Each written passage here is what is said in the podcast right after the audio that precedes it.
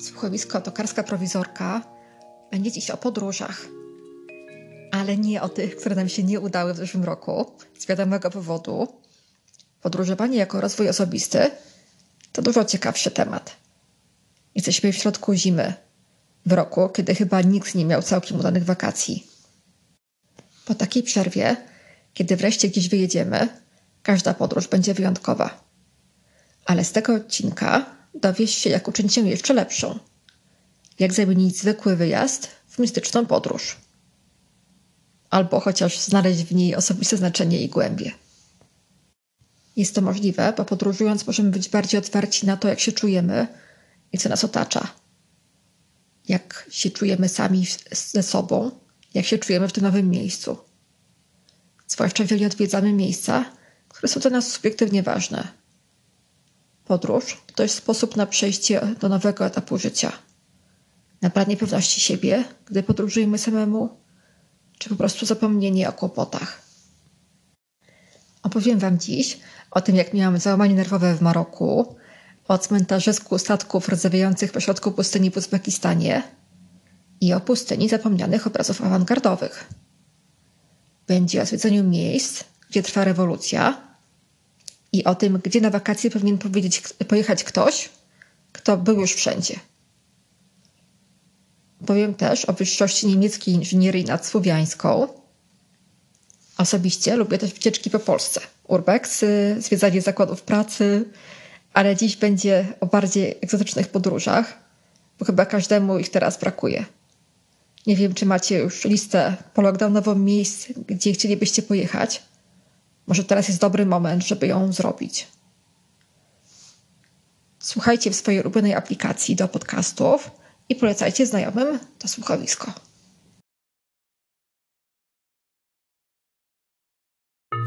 Słuchajcie, słuchowiska, tokarska prowizorka.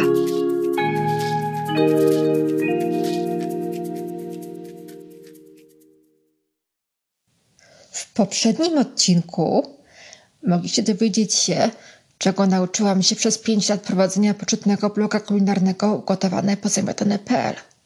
Oprócz tego, że bloger zawsze je zimne, bo zdjęcia się same nie zrobią.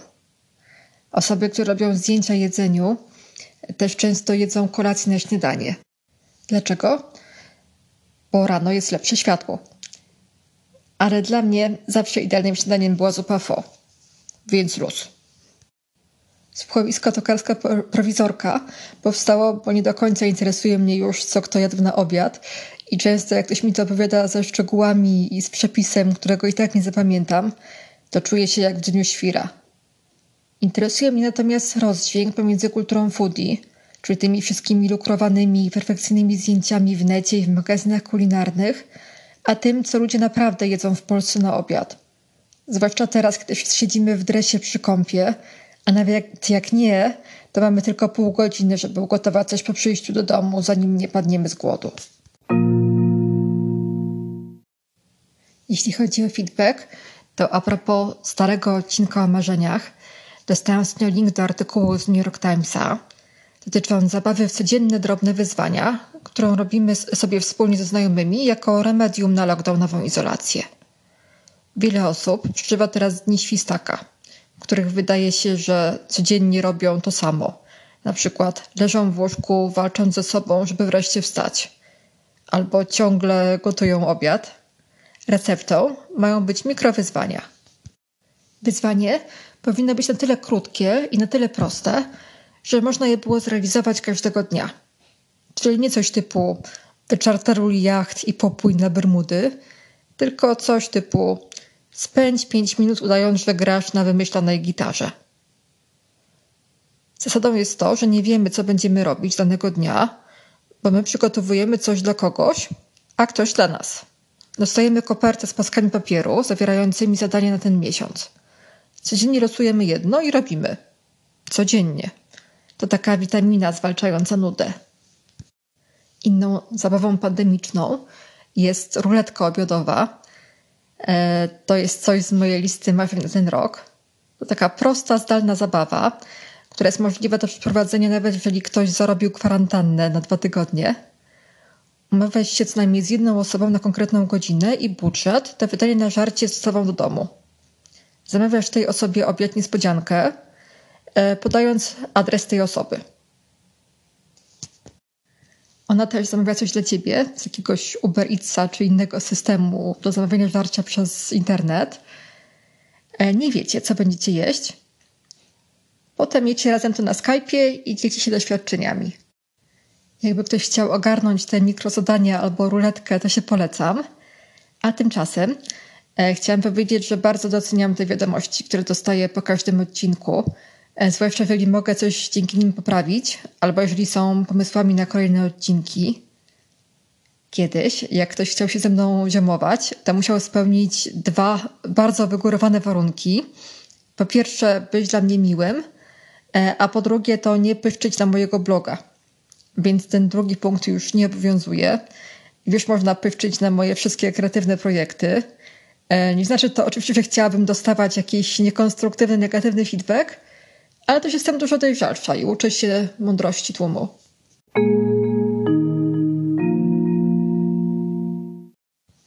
Jako osoba, która w 2020 roku nie była ani razu za granicą, a poprzednio pojechała na wakacje do kraju, gdzie była rewolucja, e, to raczej nie powinnam udzielać porad turystycznych. Ale na swoje usprawiedliwienie mam to, że zawsze wybieram miejsca z jakimś drugim dnem.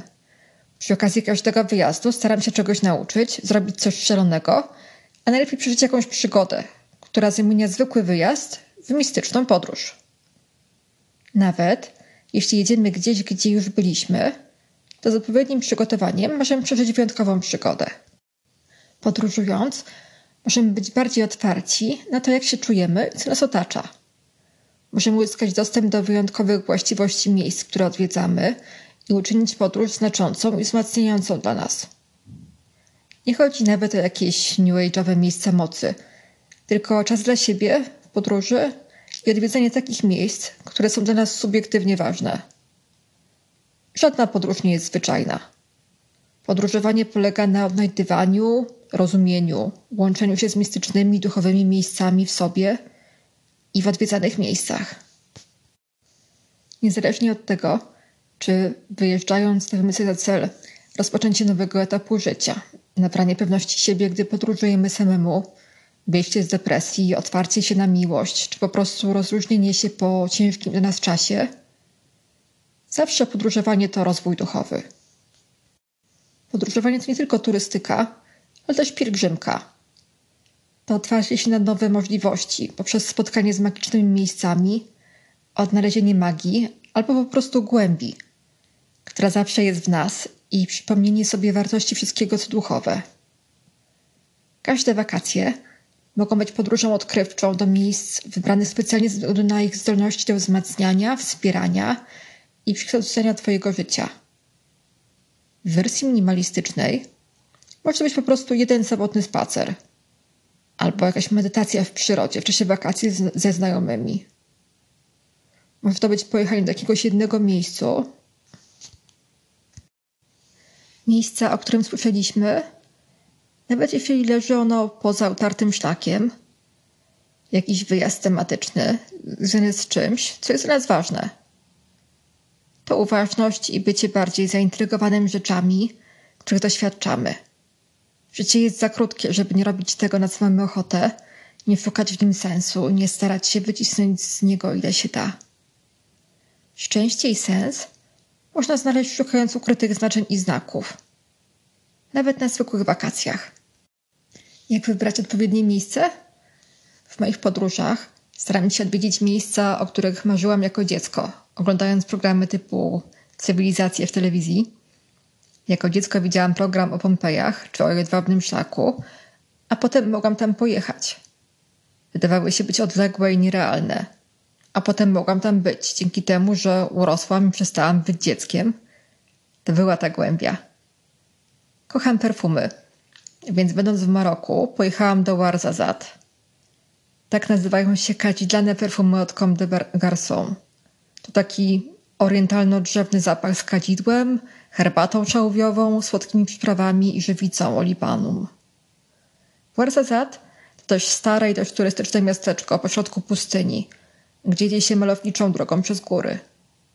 Dzień w jedną stronę, noc pod gwiazdami i dzień w drugą stronę. Czy było warto jechać? Trudno powiedzieć, bo mój mistyczny moment miałam w zwykłym autobusie jadącym za Sawiry do Marrakeszu. Była to po prostu chwila wdzięczności i łączności z całym wszechświatem.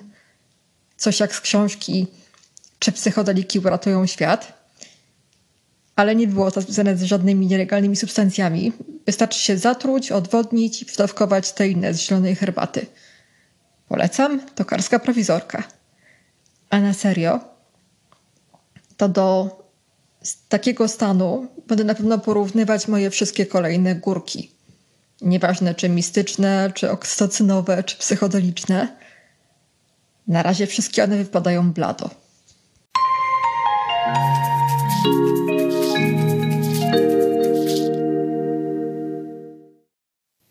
Kiedy byłam w podstawówce, moim ulubionym przedmiotem była geografia. Mam nawet olimpiadę z geografii, e, co zdecydowało o wyborze liceum, bo Rejtan był jedyną szkołą, gdzie były jakiekolwiek punkty z ten dość niszowy przedmiot. W każdym razie na geografii dowiedziałam się o cmentarzysku statków rdzewiających w środku pustyni w Uzbekistanie. W miejscu, gdzie kiedyś rybacy łowili ryby w ogromnym jeziorze. Wysychanie jeziora to efekt katastrofy klimatycznej – po prostu słowiańscy inżynierowie planowali odwrócić bieg rzek, żeby nawodnić pola z bawełną i wyrobić się z planem pięcioletnim. Nie pykło. Uzbekistan leży też na jedwabnym szlaku, więc wiedziałam, że koniecznie muszę tam pojechać. Na miejscu okazało się, że w miejscowości, gdzie i tak trzeba było dojechać pociągiem, żeby zobaczyć te statki na pustyni, jest jeszcze bardziej niezwykłe miejsce. Jest tam Muzeum Sztuki, imienia Igora Sawickiego, które ma największą kolekcję obrazów rosyjskiej awangardy na świecie. To dwa budynki przypominające architektonicznie nasze Muzeum Narodowe w Warszawie stoją przy głównym placu w mieście. Tylko, że to miasto to nie Warszawa, tylko Nukus, na zachodnim skraju pustyni Kyzylkum, w Republice Karapałtackiej, która jest regionem peryferyjnym Uzbekistanu. Jest tam też duży meczet, spory bazar, przez miasto przepływa duża rzeka, ale nie jest to jakaś metropolia, no wiecie, raczej coś w stylu gdzie niegdzie parterowe domki i kilka sklepów spożywczych, gdzie można kupić jogurt z mleka wielbłąda, pyszny, w muzeum. Są za to naprawdę znane obrazy awangardowe typu Byk Łysenki i dzieła takich twórców jak Nikritin, Mazel czy Yusupow. Nieźle jak na zadupie w Karapałstanie. Jak do tego doszło? W czasie, kiedy jedynym słusznym kierunkiem był socrealizm, artyści awangardowi byli prześladowani, ale znaleźli schronienie dla swoich obrazów na peryferiach ZSRR. No wiecie, góry wysoko, cesarz daleko, co za blisko był pan Sawicki, który był na tyle mądry, że poznał się na wartości artystycznej obrazów awangardowych i na tyle sprytny, że zdołał je ukryć. Jeśli chcecie się dowiedzieć więcej o tym muzeum, to polecam dokument The Desert of the Forbidden Art. Wrzucę link w opis odcinka. Moją wyjątkową chwilą w Uzbekistanie był moment zadumy na pustyni.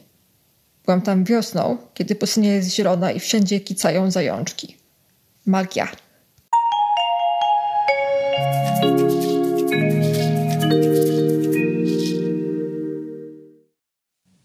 Wracając do wakacji w kraju, gdzie była rewolucja, czyli w Libanie, to bardzo się cieszę, że wtedy pojechałam bo jak tam byłam ostatnio, to jeszcze było całkiem spoko.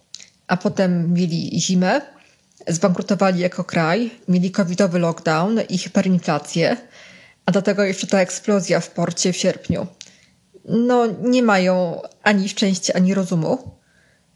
A ja się bałam jadąc tam w listopadzie 2019 roku, kiedy jeszcze było w miarę normalnie. Jedynym niebezpieczeństwem w Limanie było wtedy to, że zginiecie w wypadku samochodowym – bo ograniczenia prędkości i zasady typu piłeś, nie jedź to dość rewolucyjne koncepty dla Libańczyków. Te protesty, które trwały w czasie mojego pobytu, polegały głównie na blokowaniu dróg i pikietowaniu budynków rządowych, czyli tak jak u nas teraz. E, I oby te analogie Polska-Liban się na tym skończyły. E, dlatego zdecydowanie było warto pojechać. Zwłaszcza, że w listopadzie było tam 30 stopni, awokado rośnie na drzewach mają najlepsze jedzenie na świecie. Na przykład asztę. Nie wiem, czy wiecie, co to jest aszta, ale to jest coś pomiędzy bitą śmietaną a ricottą. Robi się z tego lody albo dodaje asztę do koktajli owocowych z awokado. W Libanie mają też cenione na świecie wino, a te protesty były naprawdę pokojowe. Śpiewano na nich ode do radości, ludzie rozkopywali chodniki, żeby sadzić na nich drzewa i po prostu imprezowali na ulicy. A w czasie mojego trwającego od piątku pobytu już w środę odblokowano drogi wyjazdowe z miasta, więc można było wreszcie gdzieś pojechać. A na serio, to spędziłam dużo więcej czasu w Bejrucie niż planowałam. Oryginalny plan zakładał raczej wpędanie się po małych nadmorskich miasteczkach, starożytnych świątyniach i winnicach. Zamiast tego dogłębnie poznałam Bejrut, które na pierwszy rzut oka wygląda jak bezduszne miasto biurowców, stworzone przez nadmiar pieniędzy i sztuczną fotointeligencję. Jedno z tych miejsc, które są tak oderwane duchem od fizycznej lokalizacji, że mogły być wszędzie albo nigdzie. Ale jest tam też Marmikel.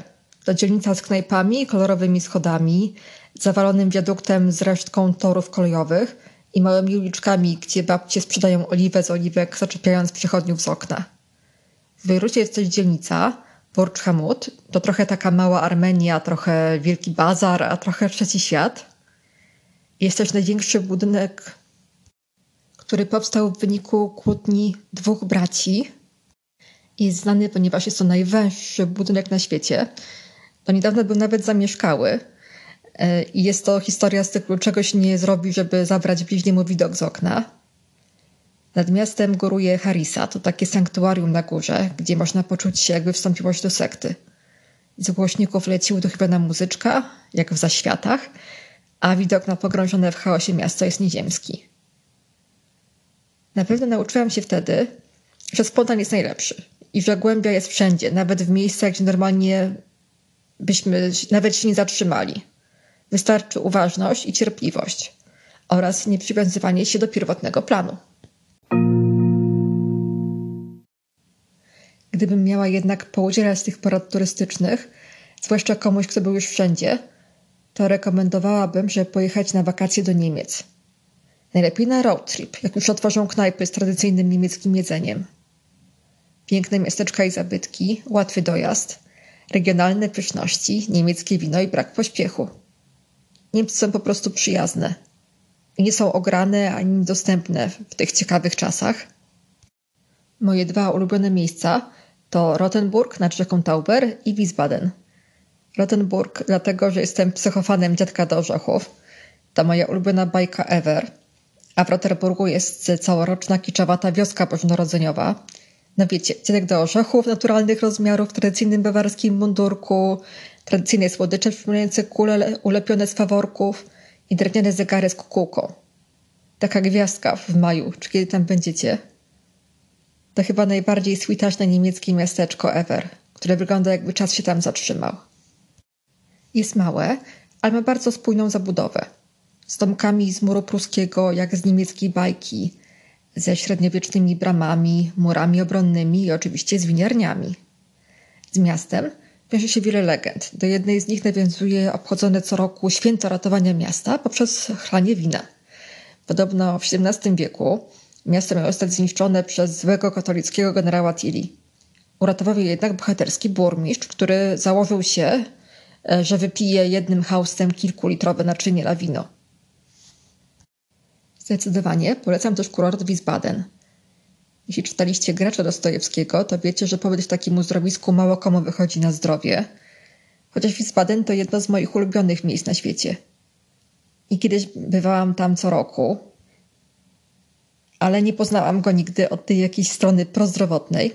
Szczerze mówiąc, zawsze, kiedy wracam z Wiesbaden, jestem przesłodzona, lekko wcięta i jest mi trochę słabo. Uwielbiam zwłaszcza wzgórze nad miastem, z XIX-wieczną cerkwią świętej Elżbiety, która wygląda jakby ją kosmici teleportowali z Moskwy. Jest tam też punkt widokowy, który idealnie nadaje się na wieczorny aperitif. Jest też kolumnada w tle, modernistyczny odkryty basen w stylu Bauhaus i winnica na szczycie wzgórza. Winnica nie jest duża, bo jej większa część została wykarczowana na burżujskie domy – ale jak się zwiedza, to nagle okazuje się, że jest tam ukryta lodówka z winem, no wiecie, niemiecka myśl inżynieryjna, więc można spróbować wina z winorośli dokładnie z tego miejsca. Na wzgórze wjeżdża się cukrową kolejką linową o napędzie wodnym, co jest przygodą samą w sobie.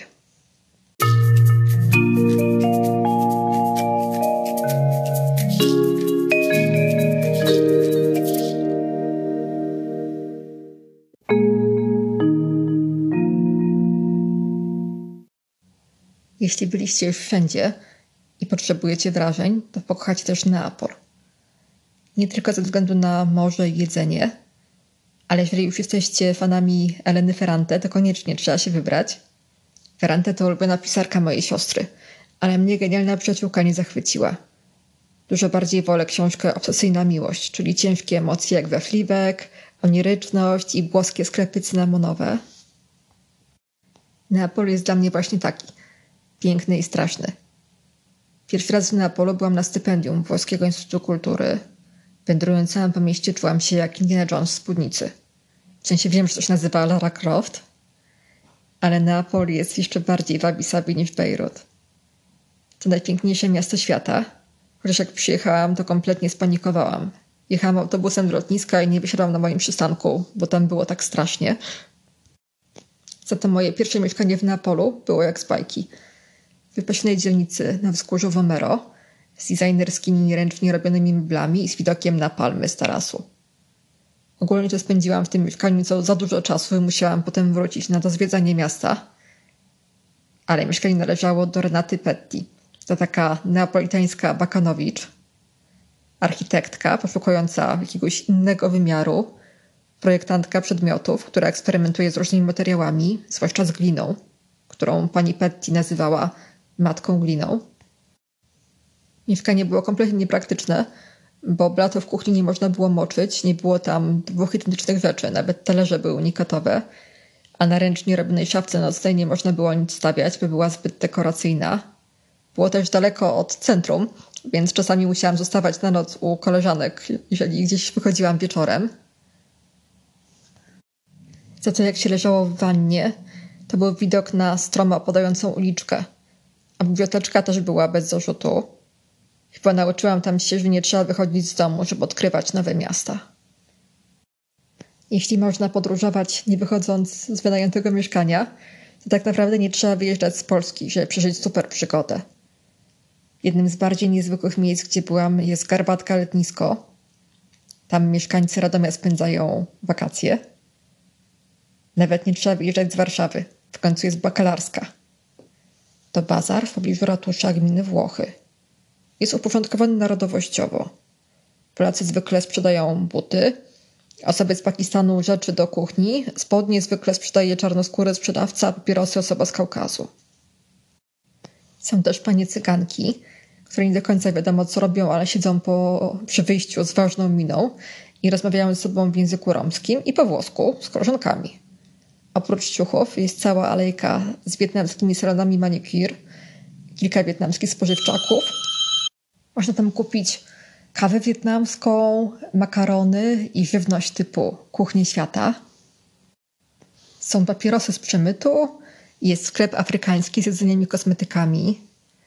Można kupić różne nietypowe rzeczy sezonowe, które raz są, a raz nie. Na przykład kiedyś kupiłam kilka słoików borówek ze Szwecji. I cóż, w sensie, jak to, że ze Szwecji.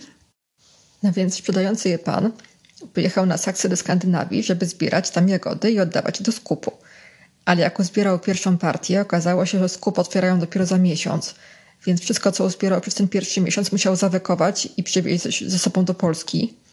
Wzruszyła mnie jego historia, więc potem jadłam te borówki do wszystkiego, bo miałam trzy duże słoiki. Jest oczywiście food court na Bakalarskiej i kilka innych barów z wietnamskim jedzeniem. Bubble tea i z kawą z mlekiem skondensowanym. Zakochałam się też w wietnamskiej cukierni, która robi torty na zamówienie. W różnych, na ogół kiczowatych kształtach. Jeżeli marzy wam się tort w kształcie samochodu, lalki, z jakąś postacią z bajki albo z autorskim napisem, to jest, jest to miejsce dla was.